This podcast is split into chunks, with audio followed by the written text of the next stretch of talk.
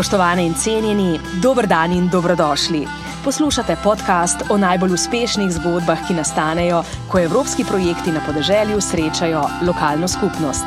Vaša gostiteljica sem Marjana Grčman in v tokratnem podkastu gostimo Patricijo Pavlič, direktorico Centra za izobraževanje in kulturo Trebnje, in Liljano Omerzu, koordinatorko Lastik območja.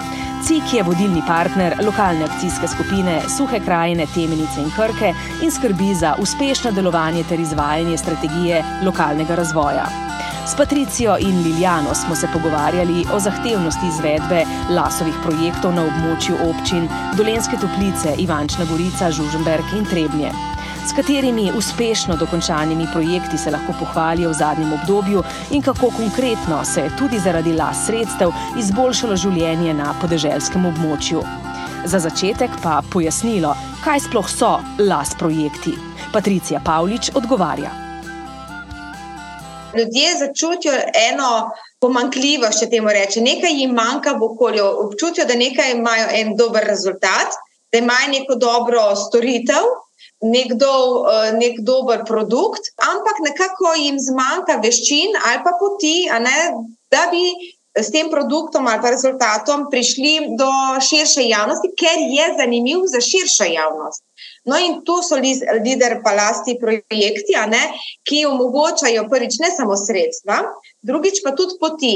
Da ni samo znotraj enega že znanega geografskega okolja, občine, ampak prav z namenom povezovati več občin, a ne s tem širimo, bom rekla, že avtomatsko po enem obveznem povezovanju krog populacije. Že sta s tem pravilom, da, da, da se spodbujajo po, k povezovanju več različnih občin, se širi ta populacija eh, in ozaveščanje o tem produktu, storitvu mikro, na neki mikrolokaciji. Eh, druga stvar, se mi zdi pa ta dodana vrednost lasov, ravno to povezovanje. Slovenija že itak trpi, da je mejna in vsi smo zaprti. Bom jaz sam, ne, bom sam pri nas, bomo prodajali in tako naprej. Ne, mi se tako vrtička smo. Mi se pa moramo povezati, ker moja ideja ni idealna, da bi preživela. Je v mogočem tem vrtičku moje mikrolokacije, ampak še lahko se povežeš ti z drugimi, vidiš, kaj vse lahko pripneš na njo, da je res tisto. To. Najbolj odmevni projekti dolenskega lastnik območja se dotikajo varovanja narave, kmetijstva in turizma. Zaradi pobude lokalnih skupnosti se je tako končno obnovila Sitarjeva hiša sredi dolenskih toplic, ki je danes turistično-informacijski center. V Žuženberku, prestolnici Suhe krajine, je nastala nova turistična destinacija. Prava uspešnica med domačini je doživljajski park Cukrca skupaj s kolesarskimi potmi, plezalnima stenama in gozdno doživljajsko učno potjo. Revitalizirala se je reka Temenica in podzemni svet reke Krke. Izstopa pa tudi projekt Čateških škrebelnov, ki skupaj z obnovljeno vaško sušilnico kraju prinaša postopen razvoj kulturnih dejavnosti in nehote projekt prispeva tudi k večji socialni vključenosti lokalnega prebivalstva.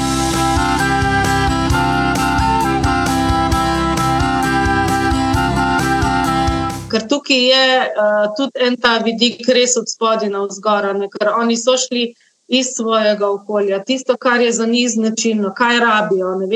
Tam so bili značilni visoko rasti zadovnjaki, sušilnice, uh, imajo tradicijo druženja na, na samem čatežu, te pohodi grejo od Litije do čateža ne? in uh, so. Um, sami uh, želeli, da nekaj več naredijo na to temo in s tem projektom tudi so. Ne. Tukaj pa ni stvar toliko, bom rekla, povezovanja z okoljem, ampak res ohranjanje tradicije, pa zdravega načina življenja, kar je pa zelo težko in drago. Se pravi, obnovili so to sušilnico za lokalne potrebe, gospod to suši za celo vas, lahko še kdo drug prenese, če je treba. Je pa mogoče ta vidika, veš, kaj ga tudi nagovarjajo. Se pravi, kako eno drago idejo, da imamo zdravo življenje, pa vendar ohranimo neko tradicijo ali pa neko dediščino, ne, ki je draga, tudi to pomagajo. Ni to pomembno, da imamo zdaj uh, široko polje. Ja. V čem se kaže trajnost teh projektov, kako dolgo živijo, kako dolgo življenjsko dobo imajo ti projekti, kako se poj kaže ta trajnost, te multiplikativni učinki? Je različno od projekta do projekta, so bili neki nastavki narejeni, neke mehke vsebine, Pa potem, ko se je zaključilo, pač, uh, je bilo to to.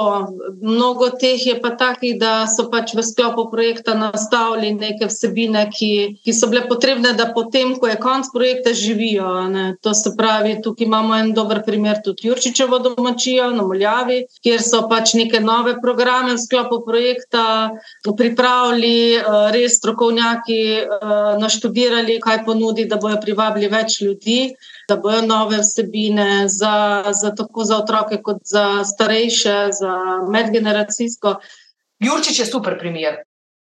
Že prej sem hotel, tudi naš VGLST, virtualna galerija, likovnica v rasti potrebne. Pa ne zato, ker, ker je naša galerija kot to, ampak ravno to je, recimo, kar se na področju muzeja, kulturne dediščine dogaja. Zelo bom rekla, težko pridemo do nekih razpisov, ne, ki bi uh, Se veš, kultura je podhranjena ne? in sredstva za to so zelo majhna, in smo pač izkoristili to priložnost. In res smo tudi to digitalizacijo, ne? ki je draga, je zelo drago upeljati. In zdaj muzeji, če hočemo konkurirati ostalim muzejem, biti prisotni na globalnem trgu, se pravi med različnimi uh, obiskovalci, ki od tega, da so uh, se pravi popotniki z avtodomi, ne, da so to avtodomari ali pa tisti, ki načrtno na iščejo um, obiske muzejev, smo ravno s tem, z virtualno um, galerijo, so aplikacije in z vsem, kar zraven pride, ne, to omogočiti. In mi absolutno na tem delamo naprej, bo muzej uh, že gradimo in smo tudi že prijavili nov razpis. Um, to je tako, kot bi rekla, uh, da bi imeli zbirko v depojih, pa nimaš razstavnih prostorov. To pomeni digitalizacija, virtualizacija um, za muzeje, za kulturno dediščino. Kakšne pobude konkretno dajo ljudje, kar se tiče teh projektov? Tisto, kar jih teži, kar bi radi nekaj izboljšali v svoji vasi.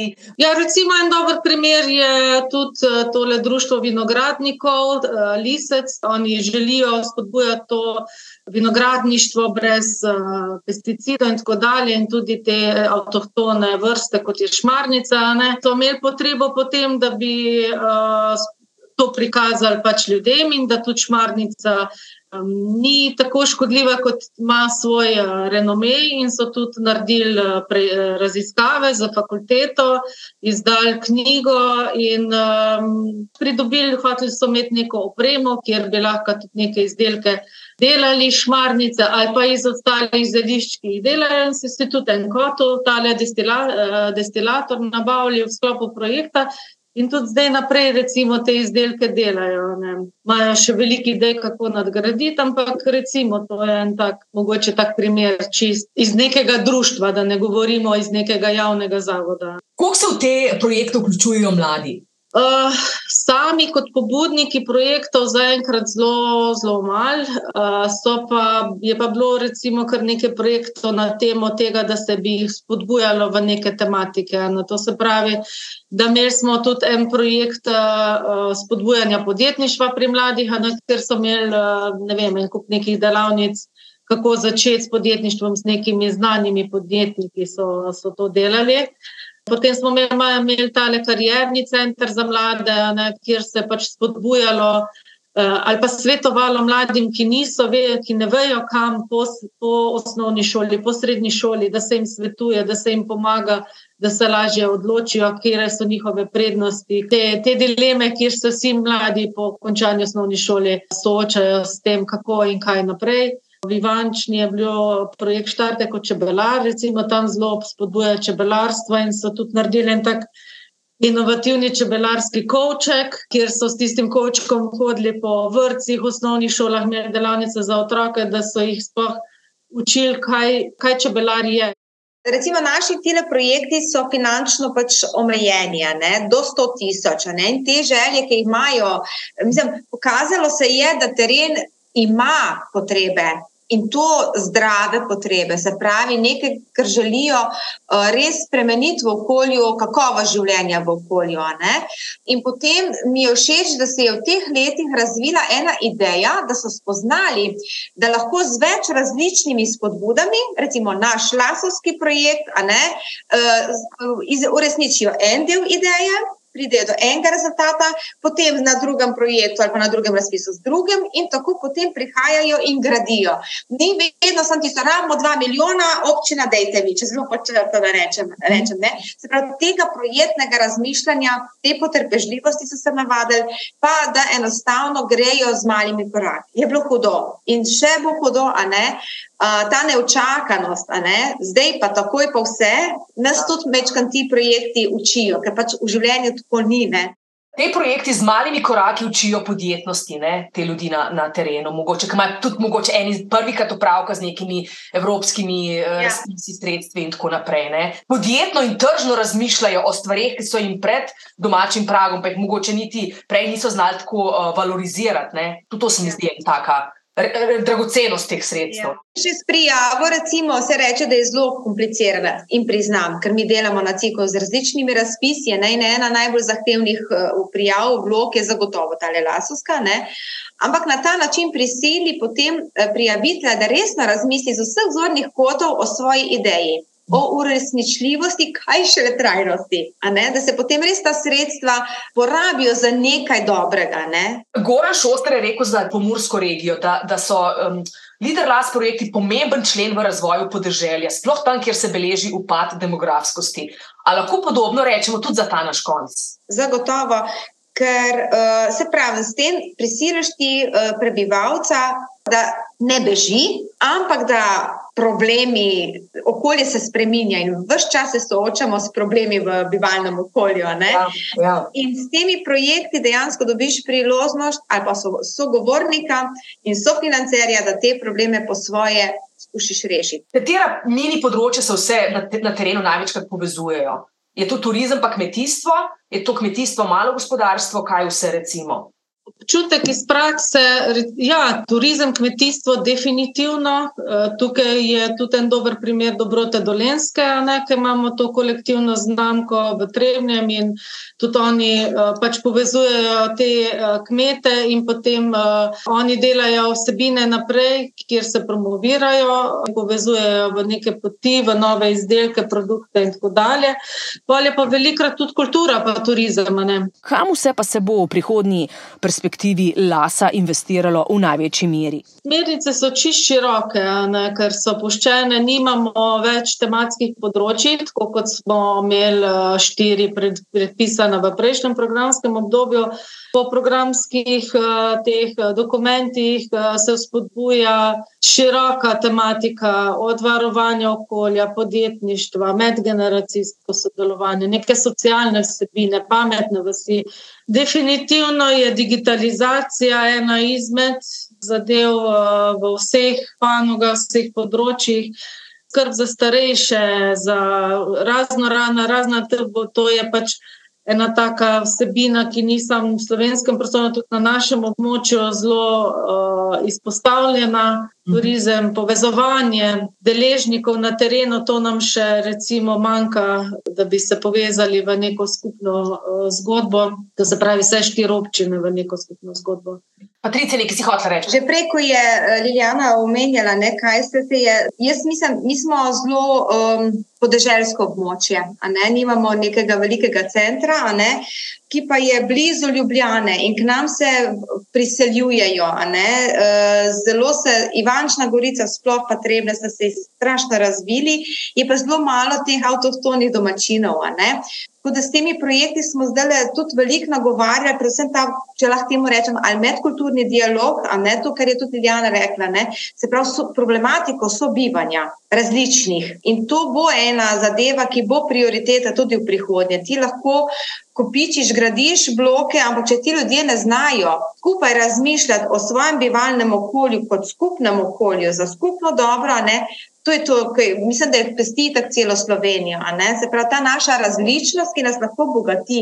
Zdaj ni važno, ali si iz različnih držav, ali pa prihajaš iz različnih veroizpovedi, ali pa različne starosti. To so te stvari, ki nas tudi, bom rekla, najmanjša okolja pestijo. Zaradi teh preseljencev, uh, vse občine, mislim, te občine pomalem bolj postajajo spalna naselja, kot pa neki centri dogajanja, z nekim uh, živahnim. Ja, ja, med drugim tudi to, in potem s temi projekti, raznimi temi medgeneracijskimi centri, ali pa dru, pač to smo zdaj množično delali. Ampak to, kar je omenila tudi Iljana, ne, te digitalne vasi in podeželje in tako naprej. Ne, dejstvo je, da tudi nekje so samo prevladujejo neki starejši ne, in jim je ja, treba življenje, kakovo življenja.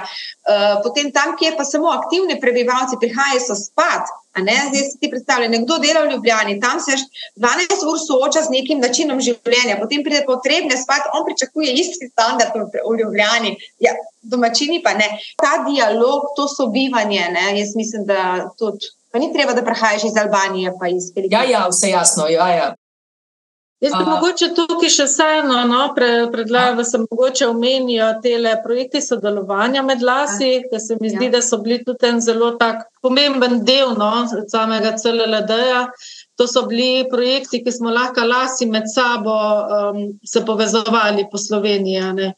Kaj so prinesli, je glih to povezovanje različnih ne, in vsak. Uh, območja smo različna, ampak neke skupne vsebine potem uh, razvijamo. Vem, mi smo bili v štirih projektih, petih projektih sodelovanja. Eden je še vedno traja, skupaj za varni jutri. Tukaj smo tele AED-je postavljali po terenu, usposabljali ljudi.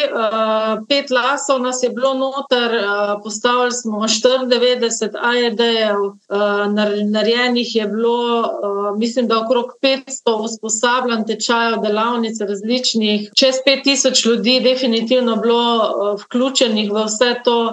Poleg tega, da je bila pač spodbujena tudi preventiva, ne, da do tega ne bi prišlo. Ne vem, tukaj so potem tudi strokovnjaki bili z različnih in to vse povezovali, te vsebine.